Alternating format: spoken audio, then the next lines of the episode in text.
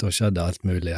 Først ligge ned på legekontoret, fastlegen, og så med ambulansen opp til Stord som eh, tok prøver, fikk analysert, og hadde kontakt med Haukeland omgående, og ble sendt da eh, rett til Haukeland med blålys, og ja, med blodforgiftning og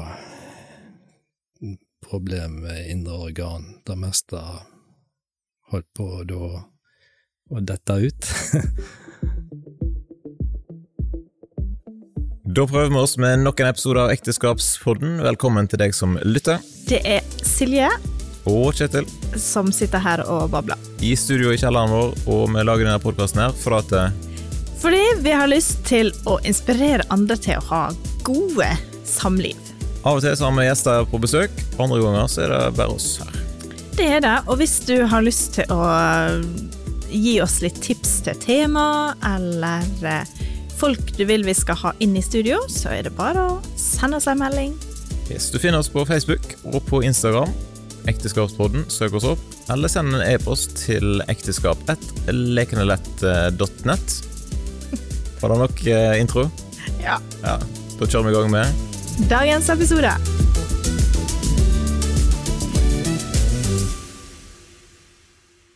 Begynnelser syns jeg alltid er veldig vanskelig. Men velkommen i studio.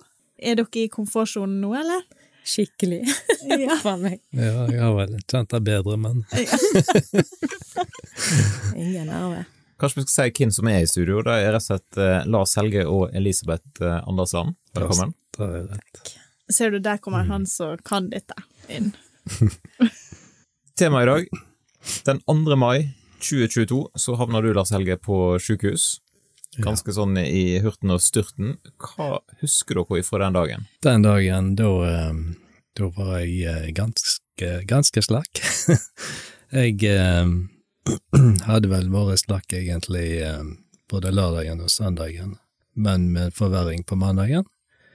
Og på kvelden eh, da eh, lå jeg på intensiven på Haukeland. Så den dagen, den, eh, da skjedde alt mulig.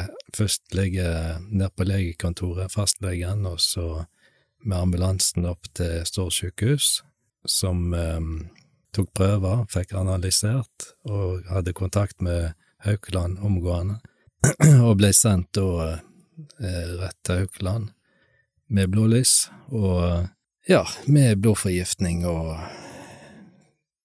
problem med indre organ. Det meste holdt på da å dette ut. jeg var jo våken hele veien sånn, og eh, Men jeg var jo ganske Hva skal jeg si eh, Satt ut. Ja. Nei, Jeg var kan ikke- slakk, rett og jeg ikke- Jeg var eh, rett og slett. Jeg var, jeg var rett og slett i en døs. Hadde jo f- høy feber. Så jeg hadde veldig høy feber, og Men jeg hadde ikke mye vondt, egentlig. Hva husker du, Elisabeth, fra den dagen? Nei, jeg hadde jo hatt arbeidshelg den helga som han var sjuk, så jeg holdt jo litt avstand. Ja, For jeg hadde jo sjuke pasienter å ta meg av, faktisk. så bråkte han så heise, så jeg la meg nå på et annet rom og Han bråkte. Ja, han, han lagde så mye lyd. Eh, Han knurra på en måte. Det var liksom en sånn brumlelyd, sånn han pleier ikke Når sånn jeg skulle sove. Ja, når han skulle sove. Ikke sånn, ikke sånn uh, snorkelyd som normalt, men han snorker ofte når han er forkjølt og sånt. Det gjør han jo, men uh, det var en, på en måte en litt sånn annen lyd. Uh, litt sånn uforklarlig. Men så på søndagskvelden så flytta jeg inn igjen på soverommet vårt, for da skulle jeg ha fri på mandagen, så da kunne jeg nå ligge der. Og så våkna jeg om morgenen, og så så jeg at han hadde kjørt ryggen på senga opp. Og så sa jeg, "Hva- eh, er det med deg? Så tok jeg bort på han. Øh, Han var helt sånn kald og klam og ekkel. Så tenkte jeg, guri land, her må jeg ta blodtrykk, tenkte jeg, vet du. Sant? Ja, sykepleieren kommer fram. Ja, og blodtrykksapparat, det har vi jo ikke hjemme. så da måtte vi ha tak i det. Da får du på apoteket og handler det og Ja, ja, først så stakk jo hunden av òg. temperaturmåler kjøpte du, jo. Ja da, vi hadde jo ikke det heller. Så fikk vi tatt litt målinger, og da ringte jeg til fastlegekontoret. Så jeg hadde vært i kontakt med fastlegen på søndagen òg, for han var tilfeldigvis vaktlege på jobb.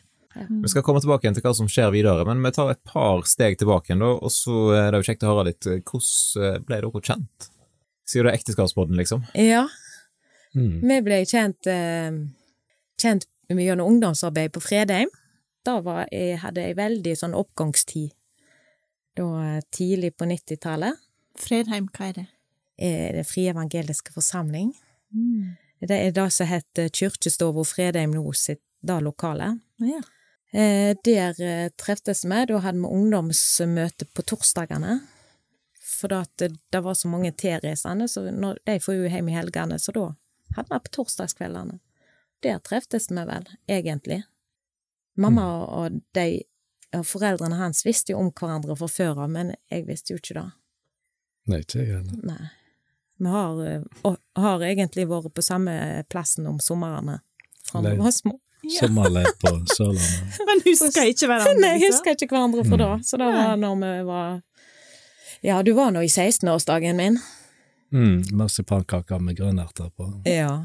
Marsipan! Da lagde jeg min første marsipankake, og så hadde jeg litt for mye sånn grønn eh, etter jeg hadde lagt blad nå, og da lagde jeg sånne små runde kuler å sette oh, ja, på så det var ikke erter, det var jo Nei bra. da, det var marsipan. Men den har jeg blitt jeg glad for, du. Oh, ja, ja. Ja da. Så det var sikkert den som gjorde inntrykket. Ja. Så, eh, men da, da var i november, og i januar da ble vi nå plutselig i lag.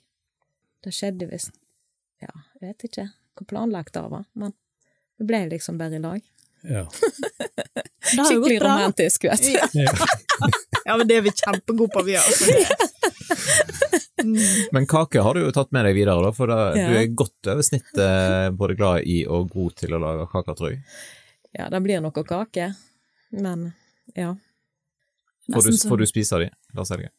ja, det er jo Ikke alle. Av og til så er det jo noen kaker som hun absolutt ikke er fornøyd med. Og jeg har jo ikke arbeidskollegaer, så jeg har ikke kunnet tatt sånne kakegreier med på jobb. så jeg har jo jeg har etter min del, tror jeg. Sånn, og du er litt over snittet glad i rør, tror jeg? Eller rørlegging? ja, jeg, Eller begynner å bli lei? Det var um, et artig spørsmål, for um, da, før jeg ble lagt inn, så kjente jeg på at jeg var litt lei. Men jeg kan ikke si jeg er det i dag. Men jeg vet ikke om jeg, jeg har, Nå har jeg jo en litt annen jobb enn enn før jeg ble syk, for da drev jeg jo eh, eget firma. Og det er veldig kjekt, da, men um, men det er egentlig kjekt sånn som jeg har det nå òg, med at jeg eh, sitter mer på kontor og er litt ute. Men nå har jeg jo kollegaer som jeg snakker Kan lage kake til. Kan, nå, kan ta med kake. nå kan jeg ta kake med. Eh, og så har du tatt mesterbrev, Ja, ganske nylig. ja. Det var forrige fredag, da fikk jeg svar på det andre året. Det er to år, da. Første året, det, det gikk bra.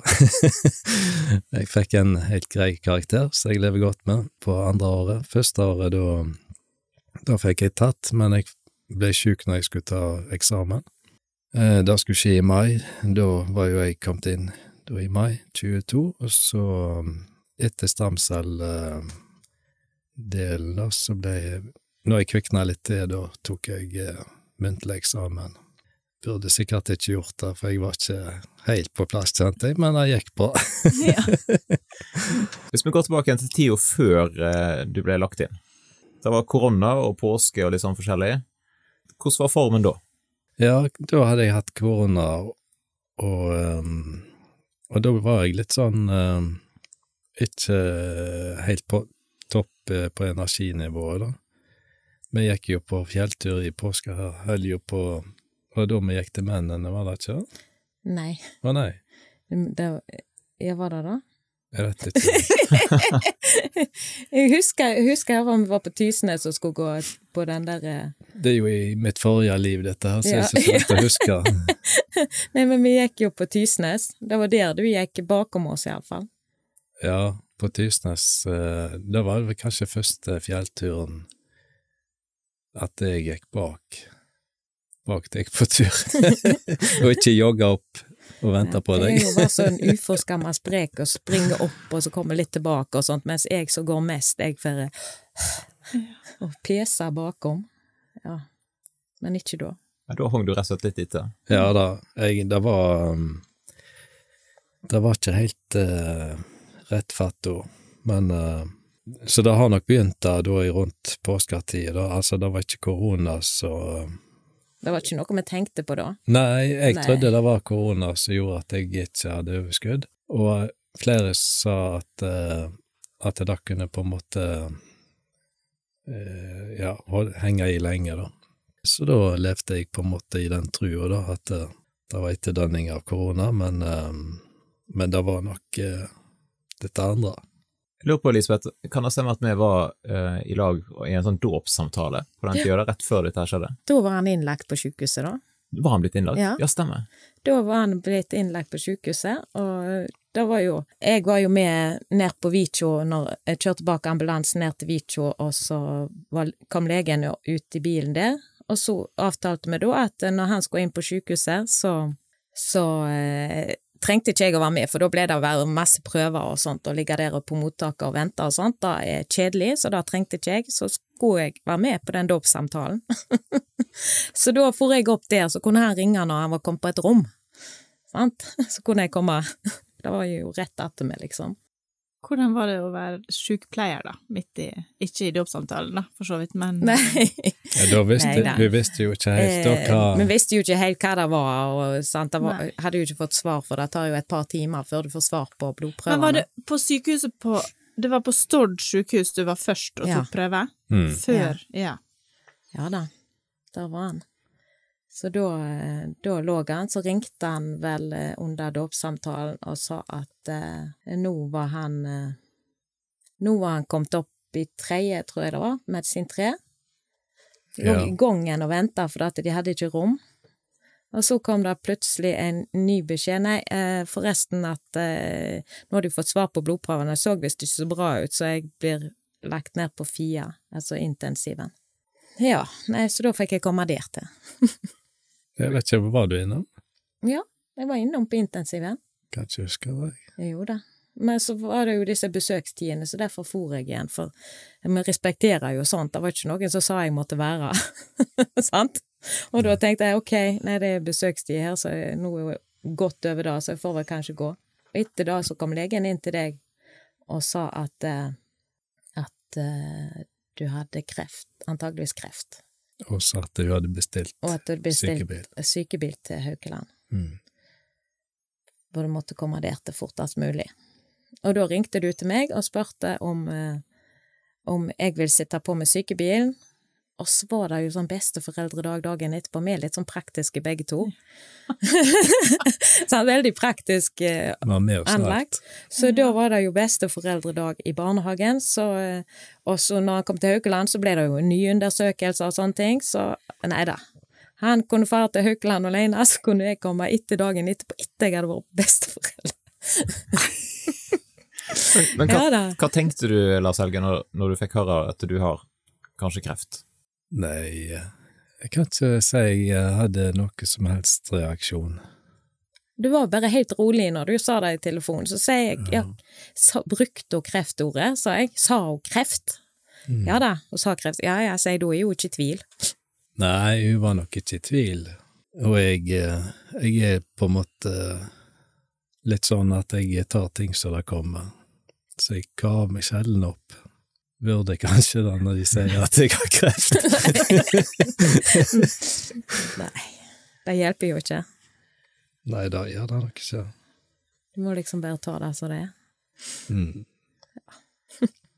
Jeg leste da på, på den gruppa som du lagde, at, at han hadde lavt blodtrykk, CRP på over 450, lave hvite blodlegemer, lav nyrefunksjon, lav blodprosent og ellers dårlig allmenntilstand. Det høres jo dårlig ut. Ja, var- Og ellers dårlig. Oh, Ja. Ja da, hun var skikkelig dårlig, Ja, rett og slett. det var liksom ikke eh, Altså, det å gå på Facebook og finn.no og sånt, da Alt det der forsvant i to-tre måneder. Ja da, og CRP-en øker jo opp i 600 mens du Ja. var på sykehuset. Han var over 600. Ja. Hva er normal CRP? Du som er Altså, under ti. Ja, sant. Ja, ja. Da er det ikke så gale. Ja. Da, dag to, da, hva var, det var Haukelandet? Så ble Da var jeg på Haukeland, ja. Ja. Og da kom du deg dit etter Ja, du vet at uh, Jeg var jo så Nei da, jeg kom meg aldri på besteforeldredagen. For du vet at vi er jo litt sånn dure og vet jo en del ting. Og så gjorde jeg jo alt klart pakte for meg og pakte for han, og ja, ordna sånne praktiske ting, og så ordnet huset litt, og hunden måtte jo plasseres, og ja, det er jo litt sånn som skal skje. Og så, og så helt på kvelden, da var det jo sent, da tenkte jeg eh, jeg skulle kanskje sjekke hvordan eh, blodprøvesvaret var. For han hadde jo ikke sagt noe om- det til meg, egentlig, han hadde bare sagt at det var dårlig. Så tenkte jeg ja, ja, eh, jeg får gå inn på Helse Norge, men da må jeg jo ha hans tilgang. så jeg fant minnebrikken, og så måtte jeg jo vite passordet. Så da var det å skrive til han hva passordet var, og da fikk jeg nå. Eh, Kodebrikke. Ja, kodebrikken fant jeg. Mm. Og da var jeg innpå der og leste, og da tenkte jeg guri land, jeg kan jo ikke reise midt på natta, jeg eh, må jo vente til det er morgen før jeg reiser. Men eh, noe besteforeldredag blir det ikke, så da måtte jeg organisere eh, step inn for meg, så pappa han fikk steppa inn. sånn oldefar. Når fikk du diagnosen? Og hva var diagnosen? Jeg tror eh, det var liksom Jeg tror det gikk kanskje ikke første dagen, kanskje andre dagen at de kom inn og sa at det, det var akutt leukemi. Ja, for de tok jo litt prøver for å finne ut hva, akkurat hva type blodkreft det var. Og blodkreft visste de det var. Ja, for det finnes forskjellige typer blodkreft, ja. Mm. Da Mm. finnes det. Hva er spesielt med akutt? Den er akutt. Den er Ja. akutt. det, jeg har fått visst nå seinere at eh, det er den kreftformen du dør fortest av, men det, den eh, typen òg da som du eh, kan bli frisk igjen av, sånn at du, jeg slipper å gå på medisin i livet ut. Det er jo uh, veldig greit, men uh, jeg eh, fikk òg vite av en syk, kreftsykepleier at hvis jeg ikke hadde kommet inn da, så hadde jeg nok mest sannsynlig dødd. Det er såpass. Ja, hvis det Ja, det var rett før. Hadde ikke han vært så godt i, god i form, og sånt, så kunne det gått mye galnere enn det gjorde. Så det gjelder å holde seg i form. Mm. Ja, god form og mm, ikke være overvektig, fikk jeg eh, beskjed om. Det er triks. det er gode triks. Så nå får han ikke så mye kake. Sånn er det. Den 5. mai så oppretter du, Elisabeth, ei Facebook-gruppe. Ja. Hvorfor gjorde du det? Jo, for eh, vi er jo veldig åpne av natur, egentlig. Så tenkte jeg at eh, vi har jo grupper for det meste på sånn ellers i familien og sånt. Så tenkte jeg ja, dette er jo en måte jeg kan spre det på til alle uten at de trenger å lure. For det er jo mange som blir litt redde og engstelige og jeg lurer på ja, hvordan går dette. Så tenkte jeg ja, får jeg bare lage ei gruppe, og så får vi invitere inn de som har lyst, og de som vi vil at skal vite det, og så kan, kan vi bare spre det der, så er det jo mye enklere så å få tusen meldinger til dagen, og så skal jeg svare på det. Da, da Ja, har vi jo ikke tid Si treffe det Si det samme flere ganger Ja. og sånn. Det er Ja, da. slitsomt. Det blir slitsomt. Da fikk de samme informasjon også, og så trengte vi ikke å tenke på så mye mer. Ja, da, vi hadde jo noen vi måtte skrive på melding til, da, som ikke har Facebook. Med sånn klipp og lim. Ja, da ble klipp og lim. Ja. Fikk ikke så ofte oppdatering, der, kanskje. Jo, men det ble litt flere etter hvert der òg som fikk. Mm. Vi oppdaga det jo ikke sånn med en gang. Men hva har den gruppa betydd for dere, sånn, bortsett fra å gi ut informasjon? Eh, For meg så har jeg Jeg så at hun satt og skrev, og, og hun leste opp òg før hun la det ut, men eh, Men liksom der og da så betydde det ikke så mye for meg, men eh, det har jo vært sterkt å lese seinere, da. Det ble jo på en måte en slags dagbok. Det Mm. skjedde, det skjedde, også. Det er jo litt mye opp igjen det samme, for alt gikk jo litt i bølgedaler, egentlig. det er litt løye, løye å sette seg ned og så se gjennom hele, alle, alle de dagene som du har lagt inn informasjon, og det er liksom uvirk, uvirkelig det hele. da. Vi var i ei boble, Mm. på en måte. Det ble veldig i ei boble, sant. Vi var jo på isolat, og det var jo ikke Ikke orka du besøk, og ikke Da på det verste.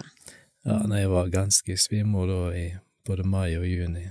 Da er det jo kanskje Altså, du, du husker vel kanskje ikke så mye heller av, av det som hun har skrevet, da, så det er jo en måte å, å huske på, eller? Ja, egentlig. For Ja. det um, jeg, eh, jeg sov en del. Jeg husker yngstebroren min var på besøk, og, og eh, jeg klarte ikke å holde meg våken. Så, men vet du, det var en kombinasjon av medisiner og dårlig helsetilstand, så, så blir det vel litt Litt sløvt. døsig. Ja. Sikkert like greit. Det har kommet seg litt, altså. Ja, men det høres bra ut. Ja. Det sto i den gruppa at du fortsatte dette med å lage masse lyder. Hikke og forskjellig. Ja, det var jo ikke bare hikke, vet du, det var jo Dette her er jo sånn som så Elisabeth er best på å forklare. Ja, la oss nå få høre. Klarer du å lage noen av de lydene? Ja. Jeg har de på opptak. Ja. Nei, det var jo liksom ikke bare det at det, han hikka sånn høyt og tydelig hikk, men av og til så var det nett så eh, mellomgulvet fikk krampe, stoppet helt opp, og da var det liksom Og så Uff, da. fikk han ikke puste, da, så du så bare øynene holdt på å trille ut. Og så fikk han puste igjen, da, og så var det videre med vanlig hikke, eller Jeg husker det godt nå, Ja.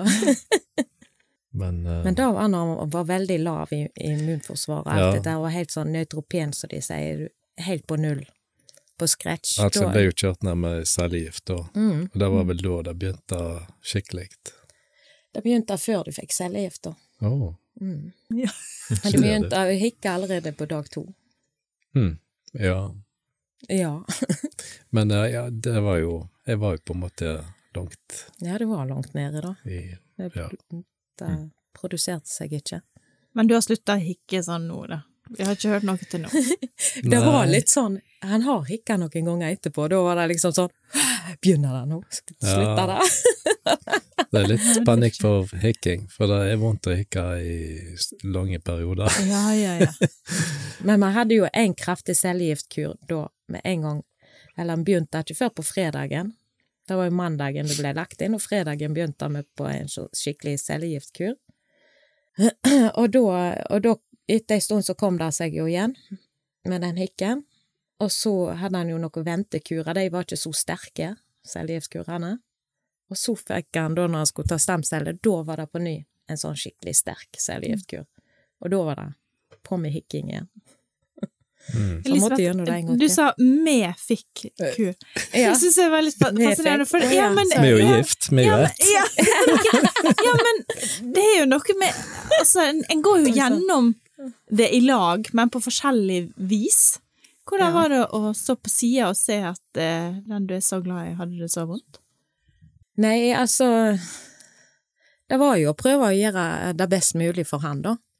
Så jeg for nå der og retta på pute og fant på vaskekluter og hjalp han å stelle han litt og altså For nå nusla rundt der, så jeg hadde nå bare han å ta meg av, og de andre sykepleierne hadde jo sitt å stri med. så jeg kunne jo gjøre det litt jeg kunne, liksom. Det hjalp jo litt på situasjonen. Men Er det en fordel eller en ulempe at du er utdannet sykepleier inn i en sånn situasjon? For meg så var det en fordel. For han var det en fordel, ja. Jeg, jeg tenker at det er jo Jeg, jeg liker jo å vite, så Jeg syns jo det er greit å vite òg, så jeg forsto jo hvorfor ting ble gjort, og forsto var ikke sånn at jeg trengte jo ikke Jeg hadde jo ikke så mye spørsmål til sykepleierne der, sant, for jeg visste jo hva så Hvorfor han fikk ting, og hvorfor de gjorde som de gjorde, så det var jo ikke så overraskende på meg da. Men likevel så har jeg ikke vært så tett opp i kreftbehandlingen på noen før. Jeg har jo mye Jeg har jo videreutdanning i, i det som har med lindring å gjøre, og hold, er ressurssykepleier i lindrende behandling. Og det er jo ofte på livets slutt og sånne ting at vi får det inn, eller at vi får inn noen som er dårlig etter cellegift, som trenger litt væske og komme seg igjen.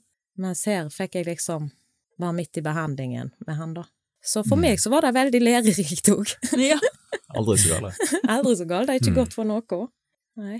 Men eh, det er jo Det har jo vært veldig bra å være to, da, oppi det hele. Ja. Eh, Det er jo det er jo det som går gjennom dette, som er enslige og, og ikke har på en måte den kontaktnettet rundt seg. Så Mm. det, det må jo være fælt oppi at det er gale nok fra før, liksom. Mm. Så ble dere med i noe sånn forskningsprosjekt. Mm. Ja da, Jeg vet ikke hvor mange forskningsprosjekter ble blitt Du Det har skrevet under på noe papir. Ja, Jeg har skrevet under mange ganger, og det var vel eh, en av de første dagene de kom med Det var flere papir som skulle skrives under. Ja, de kan skrive under, men det var så vidt jeg eh, Jeg skulle likt å sitte denne underskriften. eh. Det var helt nesten umulig å skrive. Er det ikke krefter i hele tatt. Nei, ikke krefter og ikke kontroll på pennen, liksom. Sånn der fin Fin motorikk. Ja, motorikk. den var, den var der ikke. så det var helt rart. Det er ingen som har vært inne og sjekka at det var riktig underskrift og sånn. Nei, jeg skrev jo bare Donald Duck, da. Ja. Men du vet ikke hva, om de har funnet ut noe når, de har forska på det? Nei, liksom? altså de eh, Alle prøver blir eh, frosset ned, og så um, når de på en måte har noe tilsvarende eh, samling, da, så tar de de fram, og så analyserer de i flere personer, da, og studerer liksom ikke bare én og én, men tar flere. Du nevnte ulike sånn cellegiftkurer. For oss som bare har sittet der på TV eller lest om det, Mm. beskriv litt hva, hvordan oppleves en cellegiftkur? Ja, den første, den eh, fikk jeg jo eh, Da er det ei pumpe og slange og inn ei nål. Hva heter det, Elisabeth? Ja, du hadde både PVK og Hickman og Midliner. Ja, de, det Dette var sånne, dette var sånne sykepleieruttrykk. Ja. Hva betyr dette? Forskjellige innganger i blå- blodårene, rett og slett. Ja. Ja. ja, Hickman, den opererte de jo inn. Ja. Det er vel eneste gangen de har skåret i meg. Mm. Ellers eh, har de gjort alt med bare å stikke nål i meg. Ja. Så det var Det var Nei. meninga at du skulle ha Hickman resten av forløpet, men så Ja, tuller det seg jo til med bakterier der òg. ja. For det var jo noen runder med masse Altså, Ja, sopp Altså, nå- fikk han jo, sant, Ja. du fikk jo det, så gikk han, har jeg inntrykk av. Ja, vet du, når du ikke har eh, Det er jo grunnen til at jeg eh, var på isolat òg, at eh, du er jo veldig mottakelig for alt mulig. Men eh, det som jeg fikk der, var jo egenprodusert, sikkert. Egenprodusert sopp. ja, altså når, når du ikke har eh, motstandsdyktighet for noe, så eh, begynner jo ting å skje Ja. uh, i kroppen. Men uh, Ja, men du spurte om cellegift. Uh, Altså, Hvordan føles det, liksom? Ja, altså, eh, du blir jo eh, I starten så så er det ikke Merker du ikke så mye til det, da. Eh, Men etter hvert så ser du jo når du går ut av senga at det ligger hår igjen i, på lakenet. Så sånn merker jeg vel jeg det mest, men eh, andre Jeg ble jo ikke kvalm, ble ikke kvalm av det, og jeg tålte cellegift veldig godt Ja, men det var noe annet som skjedde med magen din. med magen. Diaré. Ja, ja. Ja. Og, uts ja, og utslett, prikk, prikker, og Prikker var det, ja. eh, huden ble jo misfarga. Så ikke ut. Ja, jeg så nok ikke ut eh, Så da Men, eh, men jeg merker sånn Jeg merker jo ikke noe vondt av det. Ja, men du har eh, beina dine, da. Jo, eh, men ikke sånn der og da. Men eh, res resultatet av cellegift er jo um, ofte at du at de får problemer med føtter og fingre og eh, Altså dette som går på nerve... Hva heter det? Nervopati. Ja. Så, sånn at jeg eh, jeg har fått på en måte skade nede i føttene bakom tærne, sånn at jeg eh, går på en måte på pute der. Så det er litt sånn rart, litt overfølsom der, da. Så hvis noen tar meg i tærne når jeg er barfot, så, så kjenner jeg det veldig godt. Hvem noen er. Noen, Hvem er noen? noen som liker å drive gjøn. Og da går det ikke vekk igjen heller? Altså, da er det Jo, det kan, kunne kanskje gå vekk, men, eh, men jeg har snakket med andre som har det, og så har jeg snakket med andre igjen, og, og jeg hadde hatt det i ti år, da var det fortsatt. Men jeg, eh, det er ikke noe jeg bryr meg om eller plager meg, det er jeg har et godt liv, jeg, hvis det bare er det da, liksom. Ja, For hva var målet ditt, da? Målet Når du var eh, inne og var svak Ja, på sykehuset? Ja, ja, målet var jo å komme meg opp på fjellet igjen, da. Har Om du jeg, så, det? om jeg så skulle krype opp igjen. Hva fjell? Ja, fjell. Det er mange eh, topper. Ja. Nei, jo da, jeg kom meg inn eh, opp på fjell eh, på Ulriken, var jeg før stamcellebehandlingen. Så da Tok banen opp, da, eller? Ah, nei, Nei. Jeg går bak Ja, sykehuset.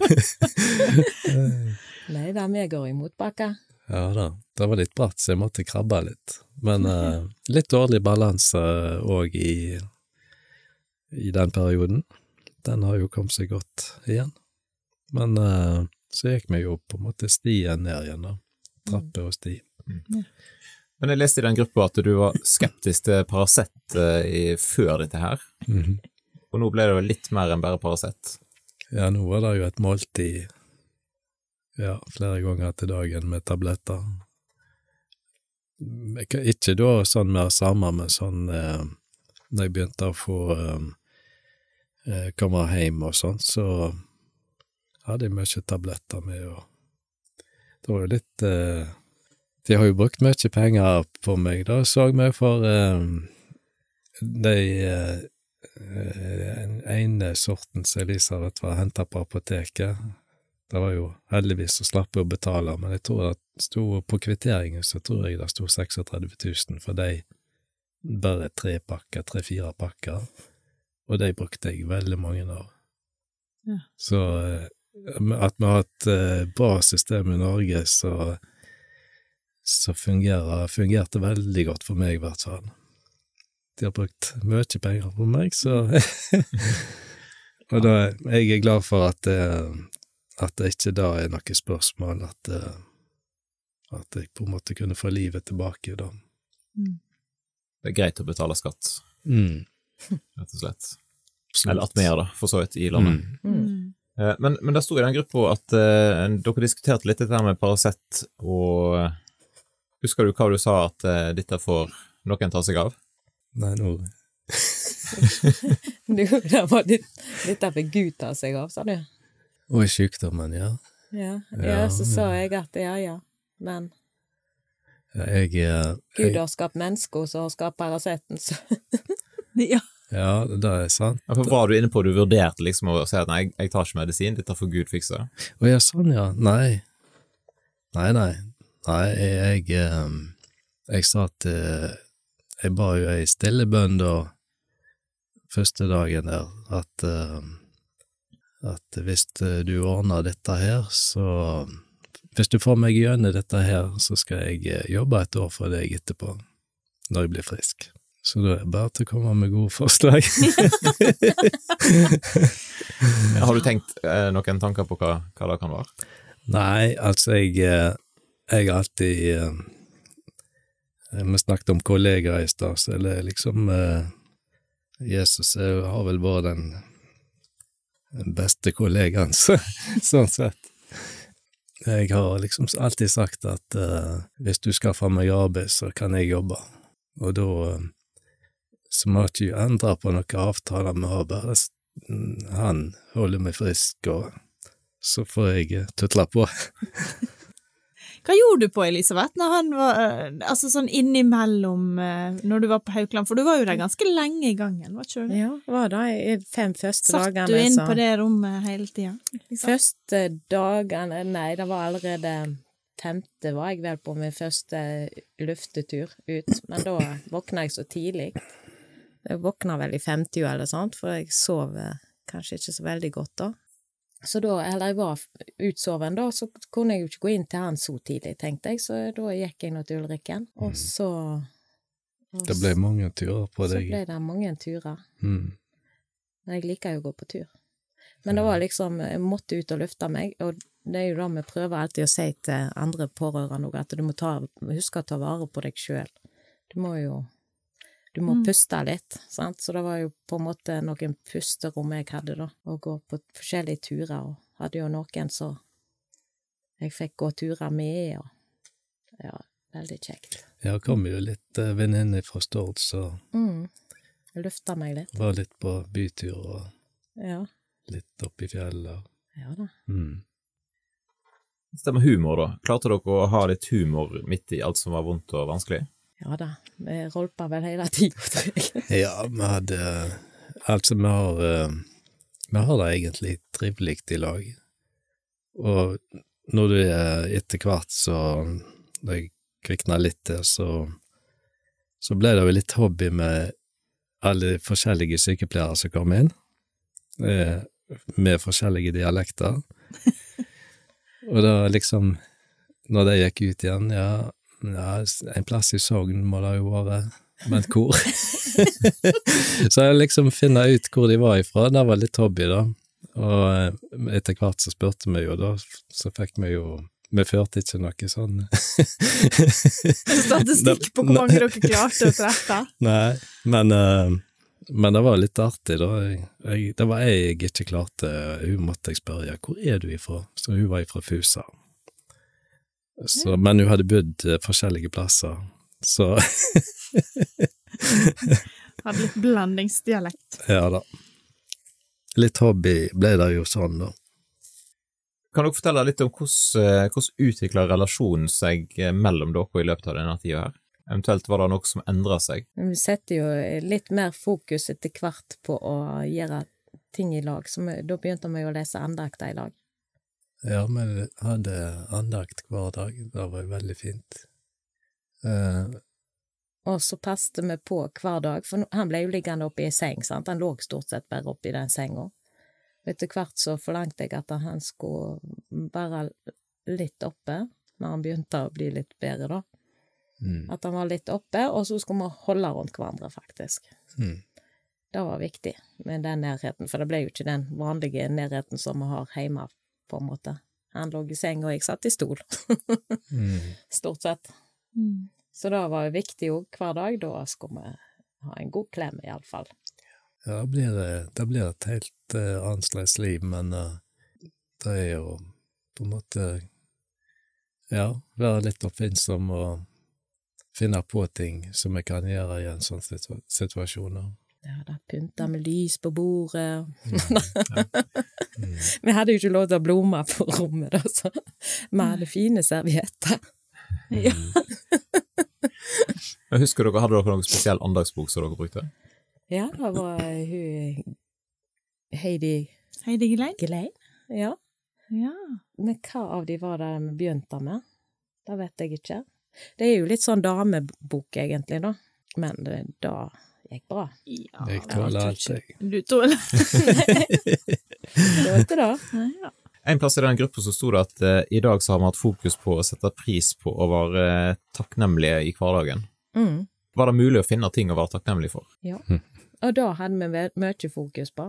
Det var jo sykepleiere, det var leger, det var folk rundt oss, og Utrolig mye flotte, utrolig. flotte, kjekke folk. Flinke. Mm. Så de var jo Flere var jo inne hos oss og satte seg ned og snakket eh, når de hadde tid, da. Så det var utrolig kjekt å prate med forskjellige folk, da. Så det var Altså, det er ikke bare dumt å være på et rom på Haukeland, det er det, det, det kan nesten være litt kjekt. Nei, men det liksom Men da hadde jeg jo på en måte kommet meg en god del, da. og da liksom Behandlingen gikk sin gang, og, og da har du litt uh, Da hadde jeg nok litt mer overskudd òg, så det var veldig kjekt å snakke med, med disse som kom inn, og fikk vite litt om dem. Mm. I starten så så jeg jo bare øynene på dem, for de var jo helt tildekka. Hele Ja, det kom jo med sånn beskyttelses... Ja da. Ja. Så um, Så det bare da å se se mer av ansiktet var jo utrolig. Det var kjekt. Satte eh, pris på de små tingene, med andre ord. Ja, Det absolutt. Mm. Men hvordan preger det kroppen din, da? Altså, jeg har jo sett noen bilder der inne i den gruppa, og etter hvert så så det jo rimelig skralt ut. Ja. Jeg anka jo litt eh, da eh, før på en måte det snudde. Jeg er jo eh, Normalt så har jeg jo vekt på 83 cirka. Men da eh, Nå husker jeg ikke hvor langt ned jeg var. Du var på 60-tallet. Jeg lurer på om jeg så i 61, og da tenkte jeg at nei, nå må det snu. Så da var det egentlig Hvis jeg var litt eh, redd noe tid, så var det akkurat da når jeg så eh, et lavt vekttall. Men det var, det var litt sånn eh, Det var jo ubehagelig. Hvis jeg sette, når jeg kom hjem da første gangen og satte meg på um, krakken ute i gangen og lente meg inntil gangveggen, så kjente jeg liksom ribbene hele veien. så det var litt sånn eh, ekkelt, da. Men eh, Men det eh, Det der å tvinge i seg mat for å komme opp i vekt, det er, det er ikke lett. Så de som sliter med sånt, de eh, syns det er synd i. Mm. Etter hvert så ble det sånn stamcellebehandling. Dere må fortelle litt om hva, hva innebærer det. Stamceller, da eh, Det er jo eh, Da ble jeg kjørt, ble jeg kjørt ned med cellegift. Kom ned i null, altså da er, da er alle mine celler satt ut av drift. Drept, heter det vel da. Mm. Og kanskje Det var alle celler. Ja, alle Nei, ja, ikke hjerneceller. jeg tror jeg beholdt noen av dem, det var, det var veldig få fra før av. men eh, nei, det var Det er jo dette som går på stamceller, da. Så um, bare det at de ikke har medisin, de må bruke gift. Gift står ikke i medisinboka. Men uh, det er det som er på en måte knepet med å drepe ned stamcellene. Og uh, etter hvert å tilføre nye celler som begynner å vandre i blodgangene. Og eh, når de har på en måte tutla seg rundt i gangene ei stund, så finner de ut at oi, det er jo ledige plass ute i veggene her. Eh, og så trekker de seg ut og, begynner å jobbe i i blodgangene, da. Sånn som jeg forklarte. Det var sikkert en kjempeenkel Ja. forklaring. og der, eh, da eh, Med den stamcellebehandlingen, da, eller Ja, da da, jeg fikk jo bror min sin celler, altså eldstebroren min, ett år, han er ett år eldre enn meg. Så nå har jeg hans stamcelle og fått DNA. eh, nytt DNA, hans DNA, ja. Så nå er dere egentlig tvillinger, på en måte? Nå, er n- verre enn tvillinger. Kan, han kan gjøre et brekk, og så får broren Skyld. skylda. Ja. Men eh, nei da, jo det er jo Vi har samme DNA, sånn sett. Mm. Det er jo fascinerende hva en får til. Ja, det er helt utrolig. Det er eh, Derfor så Så på en måte har jeg liv nummer to nå, da, for at eh, Nye stamceller, ja. Mm. Jeg hørte om ei eh, som fikk nye stamceller, og hun fikk ny farge på håret. Ja, Så, altså, det også er jo er Nå har jo ikke du så mye hår, da, så det går jo fint. Men det er jo altså, Plutselig fikk hun rødt hår, liksom. Eller, sånn. det Ja. syns jeg er fascinerende. Jo, Det kan skje etter cellegift òg. Ja, kanskje det. Jo, jo, Ja. men eh, Du kan få krøller. nå var jo jeg uh, Ja. har vi heller ikke sjekka. Nei, Nå var jo jeg jeg syns du må la det vokse ut, så vi ser det. ja. Men uh, det der ser jeg at jeg var veldig heldig med stamcellene. For uh, først var han yngstebroren min inne på Haukeland, og uh, de tok blodprøver av han, og så ble han godkjent. Eh, men så var det ei, ei av legene som ringte meg en fredagskveld og, så, og sa at eh, jeg hadde hatt kyssesyke, men det hadde ikke han hatt, så Ja. derfor ville da ville hun eh, ha inn han eldstebroren min som var på ferie på, i Grimstad. Ja, men det var ikke problem. Hun, eh, de ordna det, han kunne bare gå på, i, på sykehuset i Arendal, han. Ja. Eh, så da, men når hun sammenligna eh, våre prøver, da, så var det så likt som det gikk an. Altså, ut ifra prøven så hadde hun kunnet så, så tenkte hun at vi var egentlig tvillinger. Det var altså så likt. Så, og broren min har ikke krøller. Han har ikke rødt hår. Så det er kanskje Jo, en liten da. sammenheng der. Han har kanskje det samme hårsveis som meg. Ja. kanskje det. Litt mer, tror jeg. Han har. Har dere, har dere en bror som har mer hår, altså? Jeg kjenner jo bare de som ikke har. Ja. ja, han har litt det. mer lengde på det, han enn dere. Ja. Du kom inn på sykehuset i mai, og så var det vel 21. september, da var stamcellene på plass. ja, det var vel dag null. Og da måtte dere være i total isolering, Mm. eh, med lufttrykk. Hva betyr det, og hvorfor? Da er det ekstra isolert. Så da er det, da er det kun den lufta som er inne på rommet, på en måte. Det er ikke er fra Altså ventilasjonsanlegget der. Eh, da kjører, eh, kjører luft og eh, går lufta gjennom renseanlegg, filtrering, da, før det går inn igjen i rommet. Da. Så det, du tar ikke luft ifra andre rom inn. Så da var det på en måte eh, veldig strengt igjen. Det var det jo i starten òg. Da måtte jo til og med jeg sitte med stellefrakk på meg, da måtte jeg jo ikke i første omgang. Nei, jeg visste ikke helt hva det var, kanskje. Da fikk jeg beskjed om å sitte med stellefrakk på, så jeg satt med stellefrakk på. Ja da, men det var veldig strengt da i, eh, i de første tre månedene etter stamceller. Da eh, fikk jeg jo ikke være med barnebarn, ikke med hund, og helst ikke med noen. Etter tre måneder så kunne jeg vel gå på Var det så lenge som tre måneder? Jeg tror det var det. Da er jeg iallfall tre måneder med hunden. Ja, men da i hvert fall så kunne jeg um, gå på butikk, men da måtte jeg ha munnbind på. Og så måtte jeg gå på tider så det ikke var folk der. Ja, det er jo kjempelett. Ja. Da er det ikke noen folk. Men eh, jeg gjorde ingenting. Jeg bare skrev på en lapp hva, hva jeg skulle ha på biltemmer, så gikk Ja. Elisabeth. Det var Biltema som var butikken. ja, ja. Ja.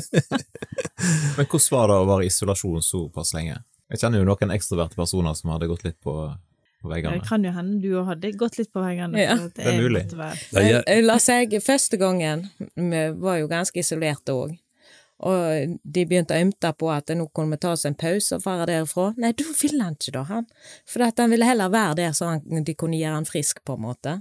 Men de var jo redde for at det, isolasjonen skulle gå til hodet på han, sant? ja, de var redd for syken min, sa de. Mm. Men da sa jeg flere ganger til de at eh, jeg blir her så lenge så jeg må for å bli frisk. Så jeg bare slapp av. Men til slutt så fikk vi jo lokka han ut. Nei, men jeg fikk jo noe sånne, bare noen timer da i starten, så da får vi ut på hytta på Sotra som vi fikk låne av svigerfar til bror min. Svigerforeldrene. Og da har jeg jo noe, når du er- havner på Haukeland, så får jo Jeg fikk jo et rom, men Elisabeth fikk jo ikke noe rom. Og hotellet rundt forbi de var jo fulle, og dyre. Når det var ledig, så var det jo kjempedyrt. Her var det jo snakk om eh, eh, fort. Mm. Så der var vi, vi vi var veldig heldige når vi fikk låne hytta på Sotra. Da. Det var jo et stykke å kjøre for henne, men, men eh, det var veldig bra. Det er jo relativt fin hytte òg, da, for så vidt. Mer et hus, har det Ja. Ja, altså, eh, juni året før, da gjorde jeg ferdig rørarbeid i den hytta. Så det var jo litt rart å, at eh, jeg skulle på en måte, eller ja, at vi skulle få bruk for hytta bare et år etterpå. Dere har òg feirt eh, 30 års eh, bryllupsdag. ja, Hvordan var det? Nei, akkurat da, da hadde vi faktisk fri. Den dagen. 30 års bryllupsdag. Vi hadde bursdagen din, feirte med det, men 30 års bryllupsdag, da var vi, hadde vi permisjonen vår hjemme, og da kjørte vi bort til svigermor og svigerfar på Tysnes. Og så hadde hun lagt middag til oss. Stemmer. Det var feiringa. Slapp å lage middag sjøl, da, ja. mm. Ja da. Slapp å lage middag, fikk god svigermormiddag. Men det var vel sikkert en av de første turene mine. Ja. Den var ikke, den var ikke så Første gang vi kjørte hjem fra Haukeland, så var det ikke mye med den. Nei, det var forferdelig vondt første turen hjem. Ikke én muskel som virker, vet du. Nei, så når vi passerte Jektvik, da, da sa jeg at eh, vi, vi hadde snakket om å kjøre til Heian og handle litt, så vi hadde jo ikke noe mat hjemme av sånt ferskmat, så da Men når jeg kom til Jektvik, så at vi kjører bare rett hjem, for nå har jeg så vondt i kroppen. så det er liksom ujevnheter og svinger og Mm. humper sånn, så, som du normalt eh, står imot med muskler. Men når du ikke har muskler, da blir det vondt. Mm. Ja, du skal jo skru av motorsykkelskiltet. og Ja, ja. Jeg, eh, Det er jo mye krefter som skal til. jeg skulle eh, Det var jo Jeg hadde jo ikke bruk for eh, eh, motorsykkel når, eh, når jeg var i den tilstanden, så jeg gikk ned i garasjen og fant meg ei ha sånn hagestolpute og hei på gulvet og landa ned på den. Og prøvde å løse en ti millimeter skrue, men eh, jeg klarte å tørne den kanskje to tørn. Og da fant jeg ut at nei, jeg må bare prøve å komme meg opp igjen på beina. og så, eh, når jeg kom meg opp igjen, så ringte jeg til en eh, kompis om, eh, eh, om han hadde lyst til å hjelpe meg litt. Så han var der et kvarter etterpå. Ja. Det var ikke noe som hasta, men uh, han var vel glad for å bli spurt. Dere har sett norsk helsevesen da på relativt nært hold. Testa ulike tjenester. Hvordan har det vært? Det har vært Det har egentlig vært bra positivt, egentlig helt ifra fastlege, Stord sykehus og alle på Haukeland har jo vært helt topp. Så jeg har ikke noe Det var én sykepleier som var litt sånn eh, Jeg må nesten ikke si hva vi kalte henne for. kalte henne for Gestapo, da. Ja, såpass. Ja. Det var eh, ikke jeg som kalte henne for det, det var han. Hun syntes hun var litt streng. Ja, hun var veldig direkte, og liksom hun kom marsjerende inn og så sa i dag skal det skje sånn og sånn. Og, eh, og så var det bare alt full fart, og så var det um, uh, Jeg husker vi skulle ta spirometri etter det. Nei. Ja, det heter det hvis det var da Nei, det er puste... pusteprøve, ja. Ja, nei, de skulle ha kamera nede i lungene. Bronkoskopi. Bronkoskopi. Det kan være litt ubehagelig, sa hun. Eh, Så det var jo Og ikke bare det, men når jeg kom Hun trilla meg ut igjen i dørene og ned og igjen i en farlig fart, for det var bare sånn eh, Vi har fått time nå, så da var Jeg måtte bare ned i full fart. Hun hadde vel ikke noe valg. Nei, jeg hadde ikke noe valg, så det det er jo litt greit å slippe å ligge og vente på sånt òg, da. I hvert fall når du får opplyst at det kan være ubehagelig. Noe så, og noe som det var, da. Men det var jo eh, eh, Kom ned der og eh, Jeg satt og så inn i en skjerm. De spurte ikke om jeg ville se hvordan det så ut inni der, så jeg eh, gløtta av og til opp og kikka, så det. Men eh, det var liksom ja, mest ubehagelig når dette kameraet skulle inn gjennom ned i lunga, da. Man har liksom fått det ned i, så Så tok han og spylte og saug ut flere ganger, med, sikkert med vann. Noe bare for å skylle og rense. Mm. Og så tok han ganske mange prøver, eh, så han hadde et eller annet system på det der kameraet sitt, så han kunne gjøre mye rart, egentlig. Så Men da han går det ned om gjennom halsen og sånn, Ja, Ja, Sånn, ja. Så han hadde fått ei liste han, med hva prøver han skulle ta. Ja. Det høres ikke veldig behagelig ut. Nei, han var Han var litt uh, Litt uh, Ja, mm, ikke så behagelig, men uh, det var egentlig Det er jo alltid bra å få svar på hva du, Det er ikke alt du ser på røntgen og CT og disse tingene, da. Så da må du grundig til verks. Du har jo vært rimelig langt inne i det som jeg kan kalle for dødsskyggens dal. Ja. Hvordan opplevde du den eh, turen? Nei, det har egentlig vært eh, veldig fredfullt. Det har ikke vært stress i hele tatt. Nei, da kan jeg ikke si at jeg har, har hatt noe eh, Jeg har ikke vært redd og ikke hatt noe problem med det, da. Så det er nesten litt rart. Har du ikke blitt uh, sint eller skuffa på Gud, liksom? Tenk at dette kunne skje deg? Nei, jeg har tenkt at dette her er jo sånn som skjer alle andre, men ikke meg. Men uh, jeg har aldri tenkt at uh, gitt på en måte Guds skyld for dette, da. Det er jo det er jo menneskelig å få alle slags sykdommer, da. Sånn er det i denne verden. Mm. Så denne gangen, denne gangen var det meg. Men har troa vært viktig? Kanskje dumt spørsmål, men eh, har det Altså, det er noe som skjer når du eh, kommer i den situasjonen og du har trua, så, så blir du på en måte båren igjennom det. Eh, Det er, det er liksom en ei det, er ikke, det er ikke så lett å forklare det, men det er som ei på en måte ei sy- usynlig hånd som bærer igjennom det. mm. Men uh, for meg så har det ikke vært eh, vanskelig, egentlig. Men det var nok sikkert litt òg for at jeg lå litt i en døs og sånt, men Og trua, da Trua var jo der, og det var den fred og ro over det hele. Det var kanskje verst for, eh, for de som var i, i nær familie, da, Mm. tenker jeg.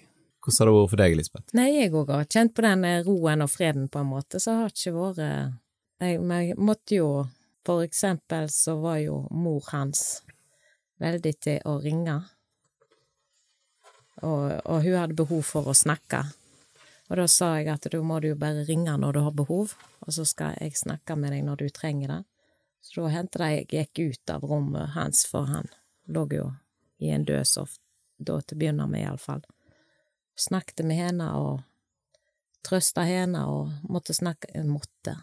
Jeg snakket jo selvsagt med ungene og mine foreldre og sånne, de nærmeste, liksom. Så da hjalp jo på, sant, og jeg hadde jo Vi hadde jo folk som kom.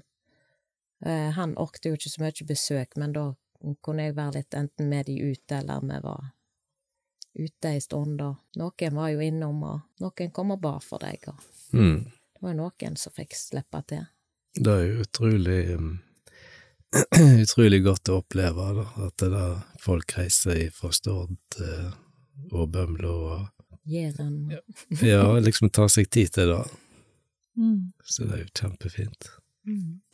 Fikk jo en på en måte en, en sang som på en måte ble litt min i denne perioden. Eh, Han eh, Roger Hemnes som synger eh, sangen heter Barn og jeg ikke tjener. Så det er liksom litt sånn treffende i teksten, syns jeg, i den Mm. sangen. da. Husker du noe ifra nå? Nei, det er jo det det går i, at jeg skal på en måte få slappe av og um, ikke Jeg trenger ikke tenke på å være på en måte i arbeid for, for Gud, og liksom, eh, ja, Han tar seg av deg. han tar seg av. Mm. Er det den Sølvi Hopland-sangen? Nå skal du få være barn og ikke tjene'? Ja. Ja. Ja, det er sikkert, eh, sikkert mange som synger sånn, Ja. men jeg eh, Det var han Roger Hemnes sikkert. Ja, ja, ja, ja, ja. Ja. Men det er en nydelig sang. Mm. Mm. Nå har du kommet ut på andre sida, kan man si. Mm. Hvordan er hverdagen i dag? Jo, altså nå virker jeg jo eh, Altså, jeg kan Jeg går jo på jobb tre dager i veka, og um, har uh, Jeg føler jeg er litt sånn tilbake igjen, uh, ja, i, i der jeg var før jeg ble sjuk, da. Og det er jo deilig, da. Kjenne at det, at det fungerer på jobb, og det er, det er jo alltid travelt, i hvert fall i min jobb. Det er veldig mange å forholde seg til, både kunder og ansatte, og, jo masse logistikk. Så det er Og jeg liker det jo sånn òg, at det er litt hektisk. Bakdelen er jo at jeg eh, ennå ikke har overskudd, så overskudd til fritid, eh, det er jo det er der jeg sliter litt nå, da. Dere er jo veldig gode på å være besteforeldre, da. Er det Det, det er jo alt som er kjekt, det gjør meg jo med glede, og Ja. strekker jo strikken litt langt med det som er kjekt. Ja. Mm. Det var jo ofte det som var tristest òg, liksom, når vi var på isolat og sånn, så var det unger i barnehage, barnehagealder.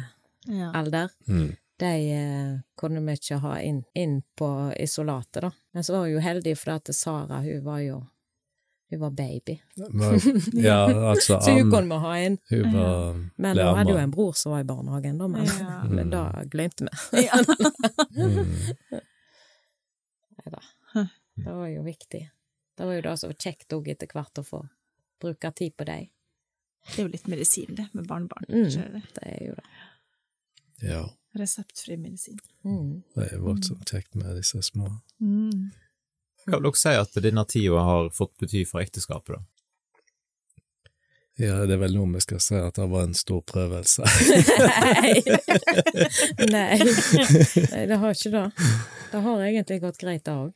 ja, altså det Vi kunne jo godt vært foruten, men eh, Ja. det gikk greit, dette òg. Men vi var ikke alene, liksom, heller. Nei. Det var jo en uh... Det å ha det nettverket rundt seg som på en måte gikk i forbønn og ba og sånt, og vi følte oss bårne gjennom det på en måte, så kjente på freden og Jeg tror jeg eh, i tida før jeg ble sjuk, sukka litt til Jesus om at eh, jeg ønsket en forandring i hverdagen. Men, men det, det var ikke den eh, Det var ikke det du tenkte? Nei. Da skal jeg ikke be om det! Oi, oi. ja. Jeg sier at noen lytter nå, da, og så er de i en litt lignende situasjon. Kanskje de har fått en alvorlig diagnose. Mm. Har du noe å si til det? Det er jo eh, Altså, det beste, vil jeg si, er jo å ha ei tru på Jesus, og stoler på at den holder. Um, ja, hvis ikke trua er på plass, da må den bare på plass. Mm. Um, for det Altså, jeg tror ikke jeg, jeg tror nok at det hadde blitt annerledes hadde jeg uh, ikke hatt den den trua som jeg har. Og ikke bare det, men alle alle som um, var med og ba for meg. Det er jo det, er- ja, det er sikkert altså minst 100, kanskje 200 også, i forskjellige menigheter som har eh, blitt involvert. Eh, Så det er jo helt utrolig å, å tenke på det, da. Mm.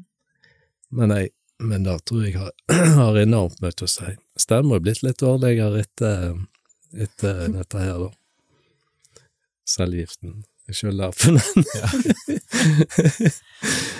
men, eh, men, eh, men tror jo den, eh, den har vært kjempeviktig gjennom det hele, for det er liksom ikke noe som du det, det er vanskelig å forklare det, derfor det må bare Eh, oppleves. det må oppleves. eh, det høres litt sånn teit ut at du må ha tro på Jesus for at dette her eh, da, skal fungere veldig bra. Men du tenker jo ikke på det når du plutselig er syk. Det eneste du tenker på etterpå, er at eh, ja, ja, det var jo helt fredelig og fint, og dette gikk jo helt fint, og Men selvfølgelig, det er jo kristne også som dør av kreft, det er ikke det jeg mener, men, men uh, i hvert fall for meg så så tror jeg det at uh, det har vært veldig eh, godt resultat av eh, alle bønner som er, er sendt ut. Jeg har ikke lenge siden så fikk jeg høre om folk som hadde fasta òg, fasta og bedt. Mm. Det ble naturlig for dem å gjøre, Uh, og da da, da jeg tro på òg at, uh, at uh, noe sånn kollektiv fasting for, at, for et eller annet, da har ikke jeg noe sånn stor tro på. Jeg tror at eh, fasting, den kommer av Den blir på en måte lagt ned i den som skal gjøre den handlingen, da. Det har jeg opplevd sjøl, så derfor tenkte jeg at eh, eh, at det er noe som Gud minner oss om. Det kommer tanker, og det er ifra Gud at nå skal du faste og be. og sånn var det for deg. Så, så fasta bare for meg òg. Det er sterkt å høre på det. Det, ja, vi aner jo ikke. Vi har jo ikke vært igjennom noe så heftig. Hvordan er det å sitte og prate om det nå? Nei, det er For meg så er det jo litt sånn uh, uvirkelig, ja. At det er liksom at jeg har uh, vært gjennom uh, alt dette her, da. Det er en lang prosess, og det er jo eh, Det gikk jo sju-åtte måneder, da. Ja, med behandlinger eh, Altså ventebehandling før stamceller var det jo med Altså sånne cellegiftbehandlinger, da. Eh, og eh, Så det er liksom I den perioden før før stamceller, så var det liksom eh, ja, for du, da vet ingen når det skal skje. Eller bare går og venter. Mm. Og det er litt sånn trøtt periode, sånn kjedelig. Men, uh, men det er litt rart å tenke på, ja, at jeg har vært gjennom det. Men eh, nå etterpå så så tenker jeg eh, Ja, altså, eh, jeg har nok tenkt litt mer på livet etter livet nå. For vi, det er jo det vi tror på, at vi har fått Når du sier ja til Jesus, så begynner du egentlig på et nytt liv. Så selv om døden tar oss, så, så fortsetter det. Du sa at du hadde slutta å, å scrolle på Finn og, og Facebook og sånn eh, når du var skikkelig sjuk. Ja. Har du begynt å, å, å scrolle på Finn igjen nå? Nå ler jeg litt sånn. Og hva, og hva er det du ser etter nå, for eksempel? Å ja, nei, jeg eh, Økonomien er ikke så god nå, vet du, for disse avklaringspenger, så Ja. det setter litt kjepper i hjulene for deg. Det er jo eh, Hva er det du ser på? Jo, eh, det vet jeg. Vet du det?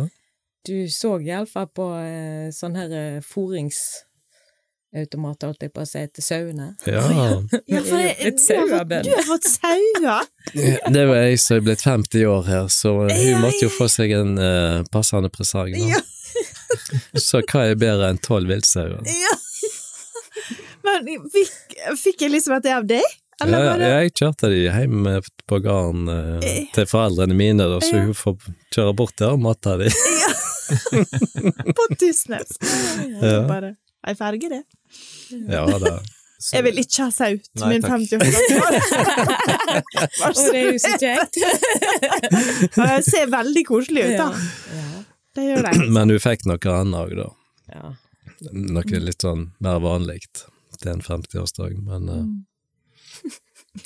Ja, men bra. Jeg tror vi skal rett og slett gå inn for en landing. Vi har vel en gutt eh, her oppe som bør legge seg snart, sikkert. Så. Men tusen takk for at du kom her og delte. Det er litt ut av komfortsonen, men veldig veldig stas for oss at du hadde lyst til å fortelle. veldig ut av komfortsonen, men det gikk jo bra. Ja. ja, men det var bra.